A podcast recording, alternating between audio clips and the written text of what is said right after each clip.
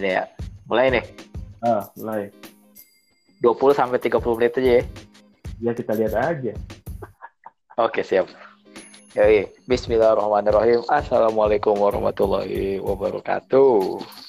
Waalaikumsalam warahmatullahi wabarakatuh. Santai apa? Sudah lama nggak rekaman anjir. Iya, oke. sudah lama sekali. Selamat datang teman-teman di podcast Patriot. Yoi, mantap. Oke, bersama gua Buki Bukan dan masih ditemani oleh Patriot kesayangan Anda. Satu lagi yaitu Meja Arkim. Akhirnya kita kembali rekaman. Yo, kangen deh. Maksudnya ya dulu mah gampang gitu. ya sekarang sekarang kita harus menyesuaikan banyak hal. Dari yang tadinya rekaman tinggal lu ke rumah gue atau kita ketemu sama narasumber di mana gitu kan. Habis itu tinggal pasang mic itu satu ini harus nunggu lu dulu beli headset nunggu lu pulang dulu dari pantauan. Ya tapi seenggaknya terakhir kita ketemu bulan lalu ya waktu main bola dan rencananya mau rekaman tapi nggak jadi Iya, karena kata satu dan berbagai hal. Eh, akhirnya kita baru ketemu di bulan di bulan satu bulan kemudian wow pas emang sih pas Iya, pas sebulan ini pas banget sebulan sih emang iya pas banget sebulan ya. Banget sebulan dari kita main bola kemarin Iya, padahal enggak kalau kalau dibilang jarak juga sebenarnya kan gua tinggal ke rumah lu atau kita tinggal ketemu kan deket sebenarnya kan. ya, cuman kondisinya sangat tidak memungkinkan cuy Ya, kita menghormati, kita juga ya nggak mau ambil resiko lah. bener bener bener bener bener Makanya ini ini jadi episode pertama yang kita rekaman jarak jauh. ya meski, meskipun sebenarnya nggak pertama banget sih ya kan sebelumnya kita pernah Oh iya iya iya. cuman kita merasa tidak confidence dengan hasilnya akhirnya waktu itu kita Iya. rekaman. Waktu itu pernah sekali, akhirnya diulang lagi kan. Ulang lagi habis itu, itu juga tanpa lu lagi Iya, itu gue soalnya kagak bisa. Jadi untungnya tapi hasilnya tetap bagus lah. Alhamdulillah dan, dan menjadi salah satu episode favorit karena informasi yang penting Iya, jadi salah satu episode dengan uh, listener terbanyak.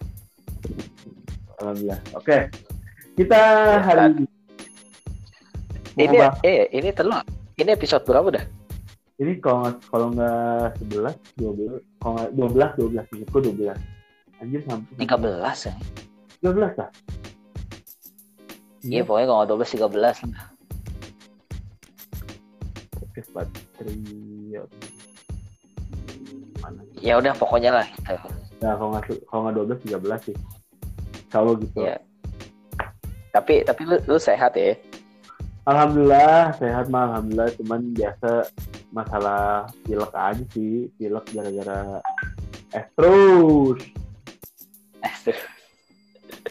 tapi pileknya nggak sampai ada gejala-gejala gitu kan?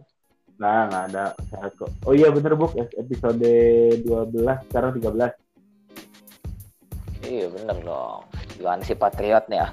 Lu lu gimana? Sehat? Gue sehat gue jadi eh, salah satu yang harus disyukurin di wabah pandemi ini wabah pandemi itu harusnya satu ya.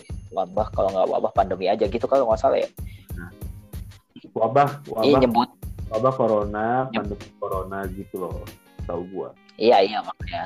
Ini di salah satu eh, pandemi ini ada salah satu hal yang gue syukurin.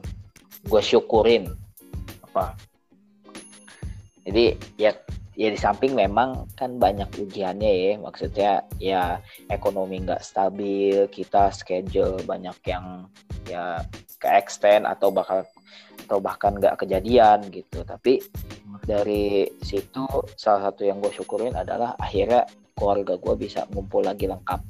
Benar itu benar sekali. Sepakat saya nah karena nggak kalau gue keluarga gue cuma bisa ngumpul itu satu tahun cuman sekali pak. Sama gue juga cuy. Lengkap sekali ya? Ya. Itu sejak sejak gue di pondok kayak gitu. Gue di pondok habis itu tahun ya setahun sekali lah bisa dihitung.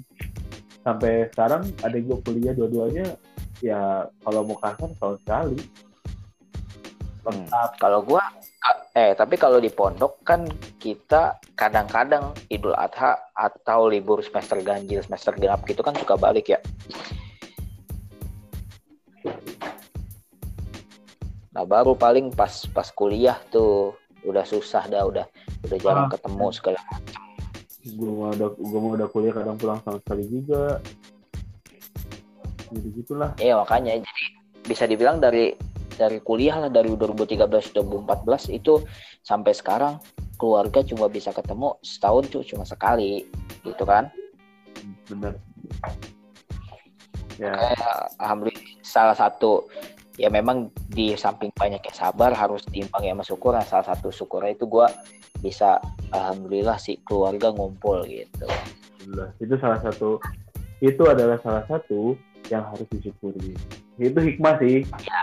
Itu maksud makanya hikmah makanya kalau dibilang hikmah itu mungkin bisa dibilang mahal ya salah satunya ini kita bisa ketemu keluarga di luar Ramadan full bagi yang bisa gitu ya bagi yang bisa. Dan gue gue rasa mungkin yang tadinya nggak bisa sama sekali akhirnya mungkin dalam tanda kutip terpaksa. Terpaksa dalam tanda kutip bisa ketemu sama keluarga ya gara-gara ini bisa ketemu keluarga di luar kebiasaan ya gara-gara ini gitu. Alhamdulillah.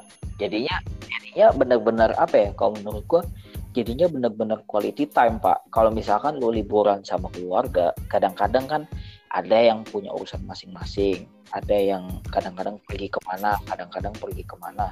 Nah kalau ini bener-bener lu di rumah aja gitu semuanya bareng-bareng.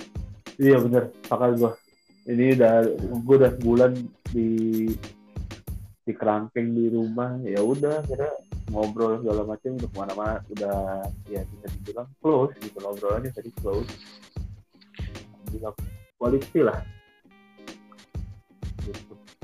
Gua gua kan gua ke Bekasi baru satu April ya jadi sampai hari ini rekaman ya baru sekitar dua minggu lah gua bareng-bareng full keluarga ngumpul semua. Jadi ya salah satu yang harus disyukurin lah di, di samping banyaknya sabar gitu kan iya ini mah ini mah salah satunya bersyukur meskipun kita harus struggling di sisi-sisi yang lain gitu ya iya betul dan dan kalau nggak salah ini udah satu bulan WFH bener gak sih? Bener.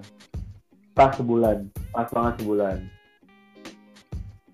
Iya, makanya nggak berasa dan gue nggak tahu mau sampai kapan ini WFH bakal lanjut berapa lama ya? Kalau perkiraan gue sih ini bakal kalau gue yang sehari-hari ke sekolah ini bakal sampai tahun ajaran baru perkiraan. Karena karena gini kondisinya adalah uh, kondisinya adalah gini. Uh, ini kita ini kita mulai naik nih angka naik angka kasus perharinya yang kemarin 26 hari pertama itu angkanya 1000 apa naiknya 100 per hari. Sekarang kita udah masuk ke ha, dua hari ke dua hari ke dua hari ke periode ketiga. Gini 26 hari pertama itu kita naiknya relatif 50 sampai 100 kan korban per hari apa namanya kasus per harinya. Terus kemarin iya, iya, iya. satu kali satu hari itu untuk naik ke 200 habis yang satu kali ke 200 itu sekarang kita udah dua hari ber, dua hari apa tiga hari berturut-turut gitu. Udah tiga udah 300 kasus kasus kasus per harinya gitu loh. Makanya ini ini kita lagi lagi naik. Dan kita lagi lagi nggak sih ini angkanya lagi naik. Kalau kalau kurvanya kita lagi naik ya besar kemungkinan paling lambat ya paling cepat dua minggu atau satu bulan lagi gitu. Sedangkan sebulan lagi kita udah mau Roma, udah mau Idul Fitri kita kan Ramadan dua minggu lagi nih. Kita Ramadan mm lagi. Habis itu Idul Fitri. Ya kalau dua minggu lagi Ramadan berarti kalau tadi kurvanya naik dua minggu dua minggu ke depan ya berarti sampai awal Ramadan. Habis itu kalau kita ngelihatnya sebulan ya berarti sampai pekan kedua Ramadan yang mana pekan kedua Ramadan biasanya sekolah kantor itu udah mulai agak kurang-kurang efektif tuh buat mulai kegiatan saya pasti sampai akhir Ramadan nih paling enggak nah kita nggak nggak tahu nih awal awal nih bakal gimana. Kita juga masih belum tahu kan. Nah, makanya orang orang yang ngelihat mungkin rata-rata kalau sekolah ngelihatnya mungkin bisa jadi mulai normal kembali ke sekolahnya itu awal tahun ajaran baru. Bahkan bisa jadi ujian sekolah atau uas ujian semesteran pun di rumah. Kayak gitu. online. Mm-hmm. kayak gitu. Makanya ya perkiraan kalau perkiraan kalau perkira, perkiraan gue sebagai orang yang ngelihat dengan kasat mata aja ya cepat-cepatnya tahun ajaran baru ya bulan Juli Agustus lah kayak gitu. Gue jadi ingat tadi gue baca uh, ada berita di Kumparan uh, prediksi Anis tentang akhir COVID-19. Tahu itu judul beritanya, tapi pas diisi beritanya uh, terkait prediksi Anis tidak tahu kapan akan berakhirnya uh, itu yang di Twitter lu ya? Iya, itu yang di Twitter. Gue makanya kesel banget itu. Clickbait adalah kunci anjir sekarang tuh. Iya, makanya gue kalau gue gue prediksi apa namanya paling cepatnya juga paling WFH beres, eh ya beres WFH akhirnya belajar normal lagi paling mah abis lebaran kali nggak sih gitu aja. Paling, paling cepat sih abis lebaran itu juga nggak tahu sih. Cuman kalau kemarin kemarin kemarin banget sih gue nonton nonton YouTube-nya si siapa namanya mantapku. Mantap itu si siapa? Jerome Pauline. Pauline dia kemarin ngitungin kurva kurva kasus ini kurva, kurva COVID-19 ini dengan rumus matematikanya dia dengan berbagai dengan berbagai simulasi dan pakai simulasi yang terakhir itu yang jurnalnya orang UI yang kalau per 1 April pemerintah nggak ngasih apa-apa kemungkinan beresnya kapan? Per 1 April Ya ya ya sempat baca. Uh, itu ya kalau itu ke, kondisi terburuknya adalah kalau kemarin per 1 April pemerintah nggak ngasih uh, kebijakan apa-apa terkait dengan penyelesaian ini itu dia bilangnya beresnya itu sekitar Agustus September. Gila kali kata gue lama banget Gila. Nah, berarti bisa sampai Idul Adha kali ya? Bisa jadi.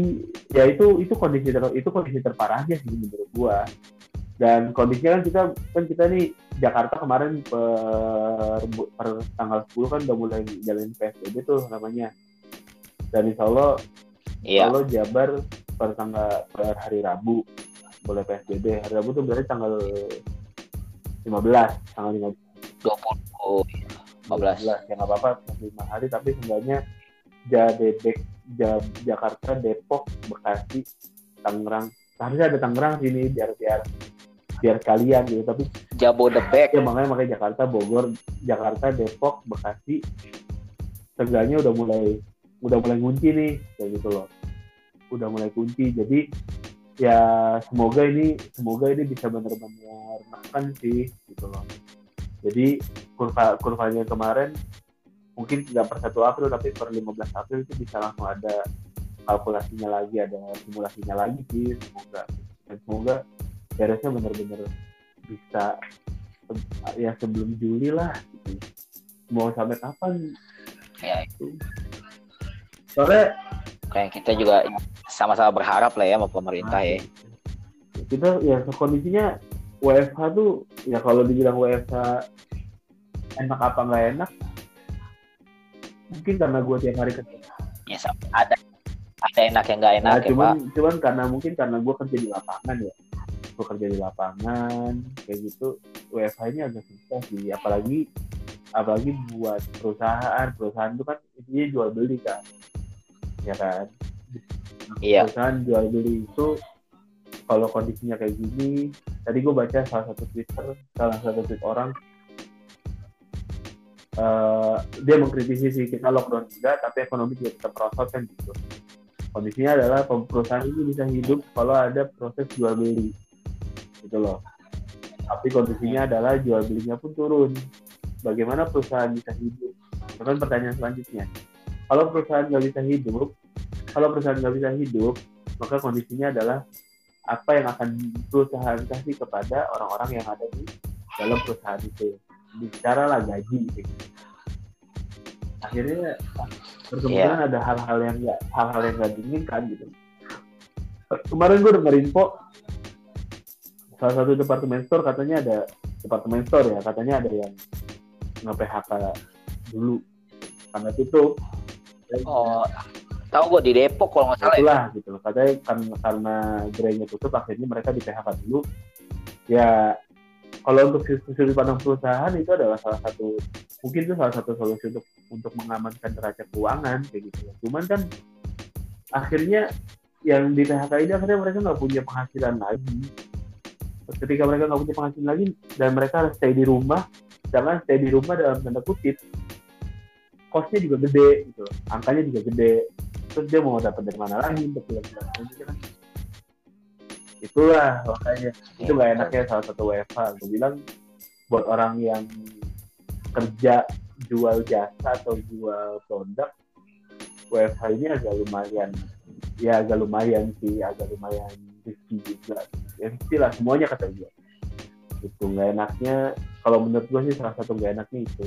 Tapi kalau kita mungkin bisa improve mungkin nanti ada jalan keluarnya deh. itu yang itu sih salah satu perlu kesal lu gimana kan lu proses lu kan di QC tuh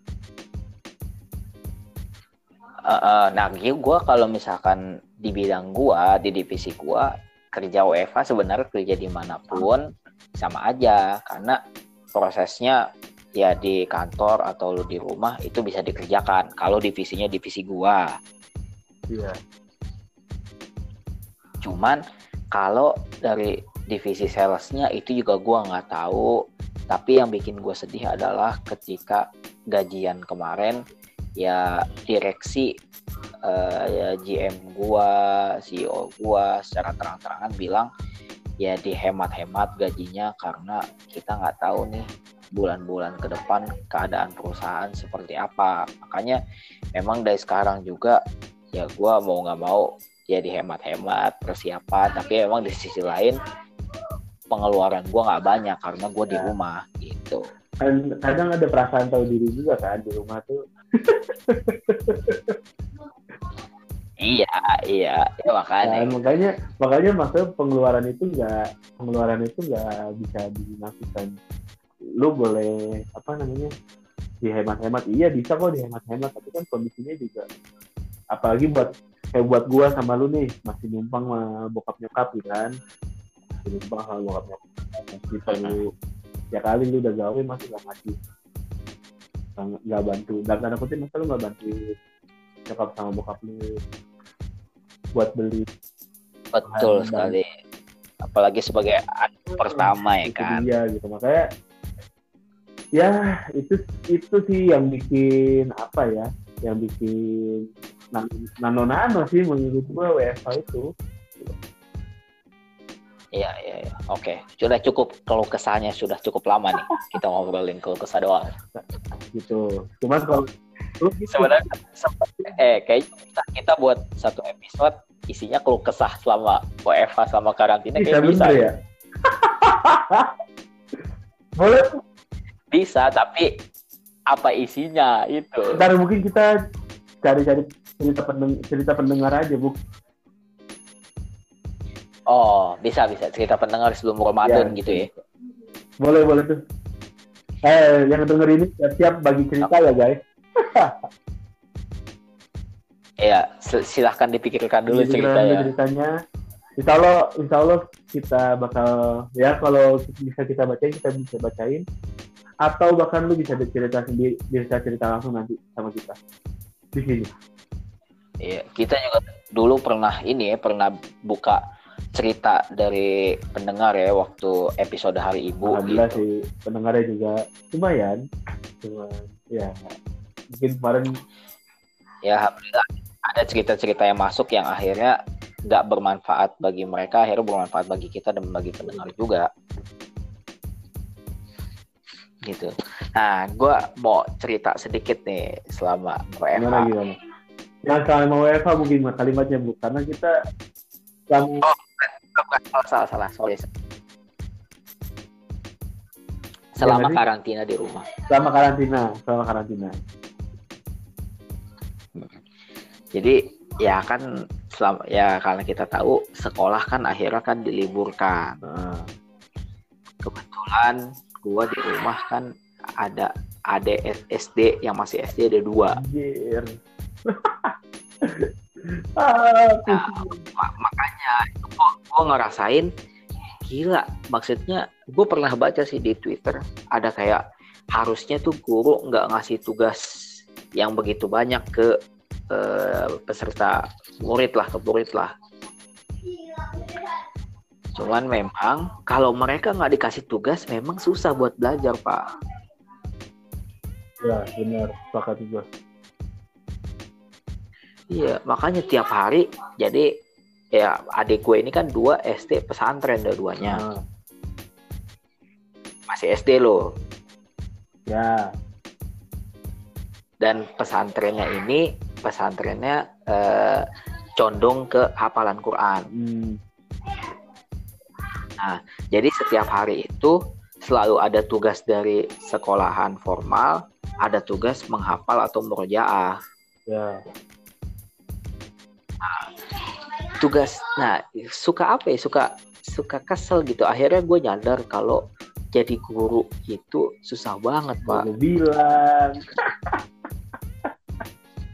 Iya makanya kita kita kan sempat bahas ya di di episode 4 kalau nggak salah tentang eh, susah emang guru TK tuh cuma bercanda doang kerjaannya gitu kan. tuh kita cerita kemarin waktu itu belum Iya.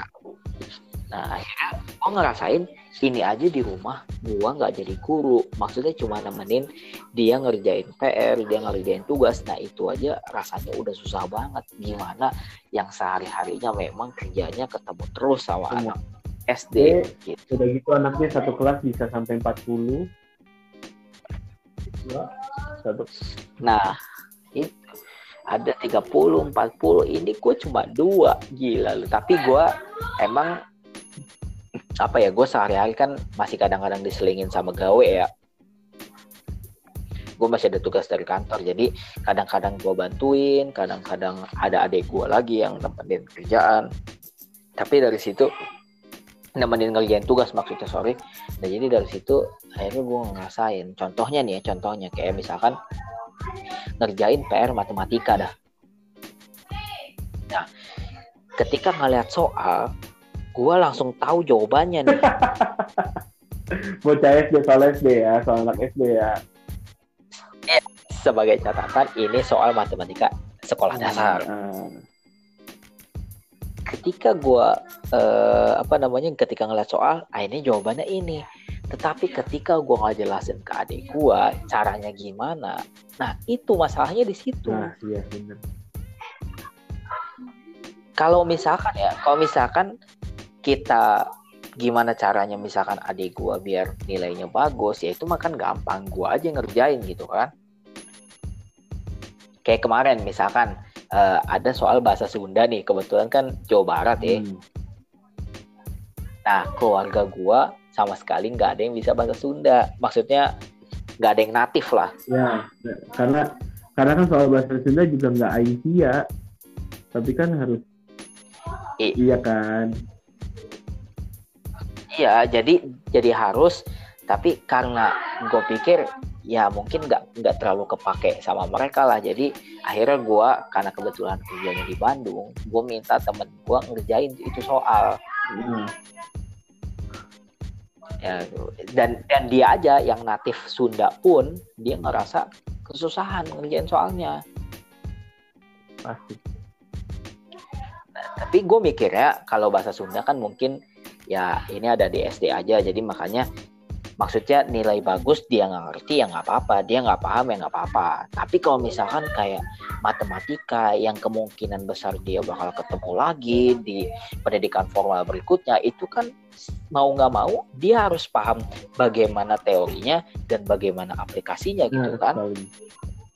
dan lo harus menjelaskan.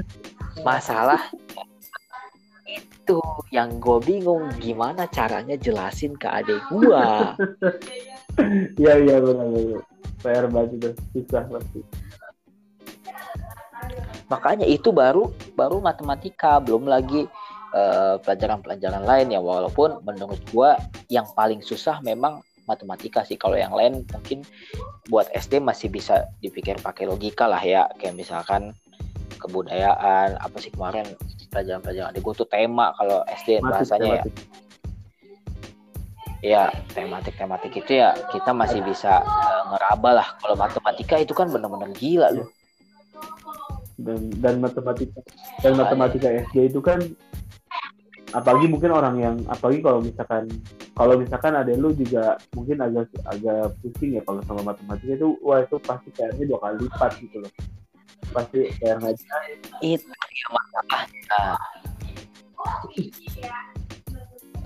aduh maksudnya kayak kayak ada soal-soal yang misalkan eh, bangun ruang kayak misalkan kubus segitiga balok itu kan rumus-rumus yang kalau misalkan kita kasar bilangnya itu rumus yang kita hafalin kalau mau ujian doang gitu kan. Yang penting lu paham apa ini apa ini apa itu Iya, makanya akhirnya gue ngejelasin ini alas, ini tinggi, ini jari-jari. Ya itu susah juga ada rumus pi, pi r kuadrat gitu gitulah. Makanya oh gila guru sih gue salut banget sih. makanya makanya gini sih bu kalau makanya kayak kita kayak kayak kita desa ya kayak kita desa Iya, iya. itu Gua itu ketawa. kocak banget sih. Gue gue pertama gue dulu pertama nonton kebetulan kan gue nonton gue dapat pertama kali kan ke di IG tuh IG itu biasa cerita. Eh di- ketika dia ngajarin. Jadi kan ceritanya eh yang ngajarin di rumah itu kan katanya Caca ya bibinya ya katanya. Nah biasa kan Iya, Lia tuh ini kalau Caca kayaknya ngajarin keras banget dia kok agak keras gitu akhirnya. Kita bilang udah jangan akhirnya eh, gimana mau masuk segala macam. Akhirnya mau- akhirnya Desta yang, yang ngerjain yang ngajarin. Eh, ini eh, what do you like animal ya pokoknya apa apa hewan yang kamu suka gitu kan pertanyaannya ini I like tiger. jawabannya I like tiger. Now, tiger is strong. Nah habis itu itu kan direkam Ah. tuh itu direkam itu harus sampai ke gurunya. Nah selama latihan dia bisa. Selama latihan dia bisa. Itu dicoba direkam. What do you animal what you like animal. Eh, apa apa apa nih apa hewan yang kamu suka? Oh, diulang, diulang terus sampai 20 kali. Berat aja ceritanya coba Itu emang lucu. Pokoknya lu kalau lu kepo lu dengerin lu tonton aja dah tuh di di apa namanya di YouTube-nya Indonesia Ada di Instagram itu Nexo juga kayaknya ada. di YouTube Indonesia juga ada. Pokoknya sampai akhirnya sampai akhirnya Desa begini kesel kali ya mungkin dia juga kocak naik nih gitu tapi akhirnya pas ditanya kenapa suka sama Tiger ini si anak tuh dengan bilang Tiger is oh, Tiger.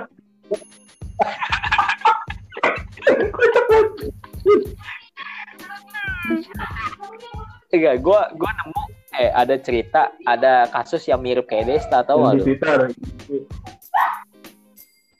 Yang di Twitter yang ini yang bo, yang guru ngajarin bocah ngaji. Nah. Baca suratnya Anas. Harusnya kan Malikin Nah. Nas. Itu si anak bacanya Makilin Nas. itu lucu banget gila berkali-kali anaknya sampai diginin loh kayak ma li kin malikin nas dia tetap bacanya makilin nas gitu loh makanya gila gua dari maksudnya dari ya sehari-hari gua ini aja maksudnya nemenin adik-adik gua terus ditambah eh, di treat di treatnya Panji juga Panji suka ngomongin sekolah online tuh ribet gitu kan dia bilang. Benar. apalagi kemarin di, di tweet- Iya, Twitter juga ada ibu ya ada yang ada yang ngumpulin keluh kesahnya ibu-ibu juga gitu loh. Ada yang ngumpulin keluh kesahnya ibu-ibu kalau sekolah online tuh ribet. Harus ganti link apa segala macam lagi-lagi ya kita juga maksudnya gini bener akhirnya waktu di ceritanya yang cerita tadi ada kata-katanya. Ada kata-kata Vincent yang menurut gue itu dalam agak dalam sih. Vincent bilang gini ya itulah mungkin kenapa kita bayar sekolah anak-anak kita tuh mahal karena karena sekolahin karena mendidik anak-anak itu susah gitu. Dan dan dan mindset yeah. dan mindset orang tua kebanyakan ya urusan pendidikan di sekolah urusan di rumah ya di rumah. Itu itu mungkin mindset yang mungkin keliru menurut gue.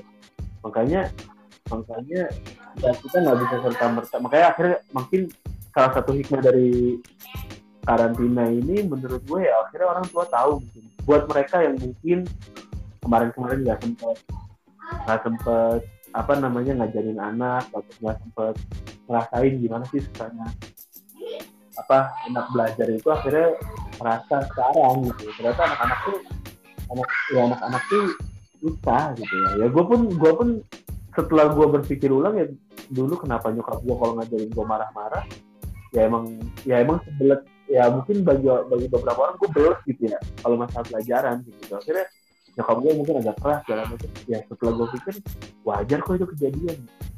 Dan dan bener-bener ya guru tuh guru tuh emang sosok yang strong. Guru tuh emang sosok guru tuh emang sosok yang strong sekali di muka bumi ini makanya ya mungkin setelah ini gue berharap banget sih setelah ini nggak ada lagi ada orang yang mau memandang sebelah mata guru. Itu yang pertama. Itu yang pertama. Hmm. yang kedua orang tua orang tua kita tuh bisa lebih melek teknologi. Ya tadi treat-treat yang treat, ada orang yang ngasih treat tentang apa namanya tentang sekolah online itu ibu-ibu kan pada marah-marah tuh. Karena dia nggak ngerti teknologi dia harus pindah di sini sini sini akhirnya ya mungkin karena sekarang terbiasa karena mungkin sekarang bisa terbiasa akhirnya ya akhirnya ya bisa itu bisa bisa melek. Jadi melek lah jadi yang melek. penting yang penting sih satu sih menurutnya. Yang penting orang tua bisa. Semoga semoga setelah ini banyak orang yang bisa lebih menghargai sosok guru sosok pendidik di luar rumah. Karena karena ya gue sih berharap setelah ini nggak ada lagi lah kalau misalkan ada anak dikerasin dikit sama gurunya. Masih ya dikerasin dikit dalam dalam batas belajar menurut gue nggak perlu lah sampai sampai kerana hukum segala macam. Seperti seperti yang kita seperti yang pernah kita bahas di episode pertama kita Iya iya iya. Kayak jadi misalkan bisa dibales pak. Kalau misalkan nggak mau dikasarin, ya lu didik aja di rumah kan, lu udah tahu susah kayak apa gitu loh. Makanya itulah gitu. Paling nggak dua hal itu sih kalau masalah pendidikan yang gue lihat. Ya. Pertama, ya orang tua bisa lebih melek teknologi, akhirnya orang tua nggak gagap lagi. Yang kedua, setelah ini semoga orang, banyak orang yang mulai bisa menghargai peran Dan, hmm, ya, semoga bisa bisa ya lebih keangkat sih maksudnya lebih diperhatikan lah. Ya maksudnya sama pemerintah dan bisa dibilang kalau nggak salah nih gue kalau nggak salah Finlandia yang katanya memang pendidikan salah satu negara dengan pendidikan terbaik di uh, dunia itu kan padahal jam belajar itu kan nggak lama ya sebentar doang ya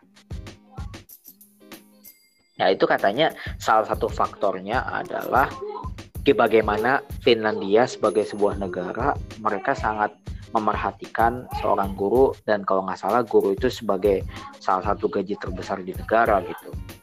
Benar-benar. Harus harus memang harus.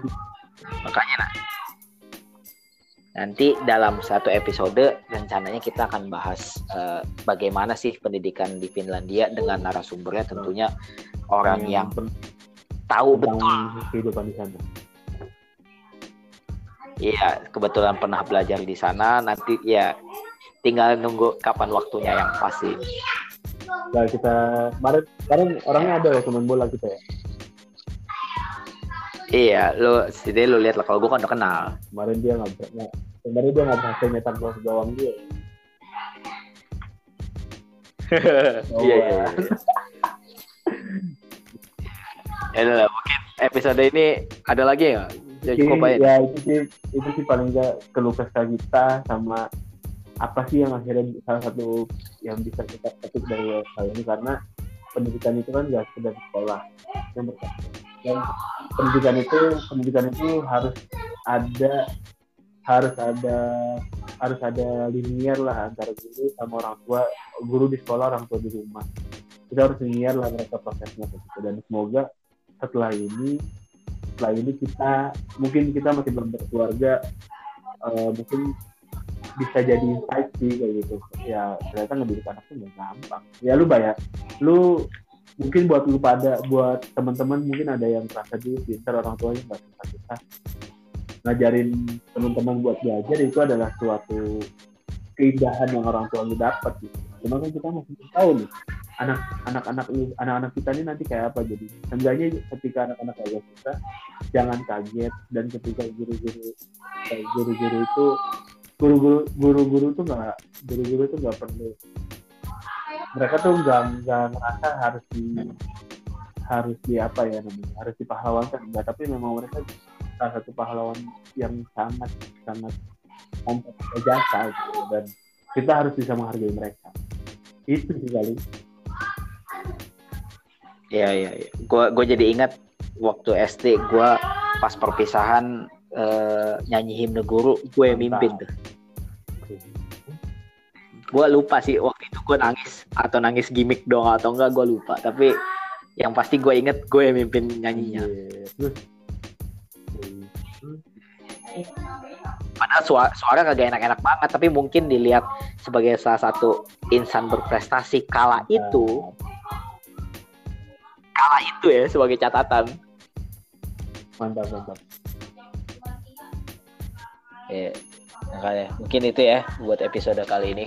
Nggak serius-serius ya nggak nggak serius-serius banget sih cuman ini adalah salah satu kalau kesan kita mungkin ya selama ini. Kita tunggu aja episode selanjutnya.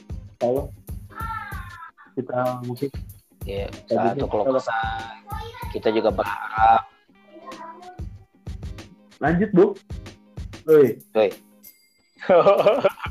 gue kan ngasih spare ya, ya, waktu ngomong lanjut, lanjut. Oh ya udah ya kita juga berharap maksudnya uh, wabah ini cepat selesai ya di Indonesia dan khususnya di Indonesia dan di uh, dunia dan rencananya kita rekaman ini hari tanggal 12 April hari Minggu. Uh, Rabu hari Rabu juga kontak kita akan melakukan uh, itu tadi apa namanya ya, PSBB Rabu. Bekasi Depok. Bekasi Depok. Bogor. Masih Depok juga ya ya mungkin itu ya sekian untuk episode kali ini semoga bermanfaat untuk uh, insan-insan pendidikan yang mendengar terima kasih sudah mendengar kita sampai sejauh oh, ini banget ya semoga ya. istiqomah mendengarkan kita semoga semoga bermanfaat ya. lah ya semoga bisa jadi uh, teman karantina hmm. yang baik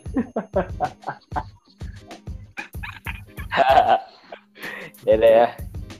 Yuk, nah, gimana? Gue Jarvin pamit. Oke, okay, gue Buki bukan pamit. Uh, terima kasih.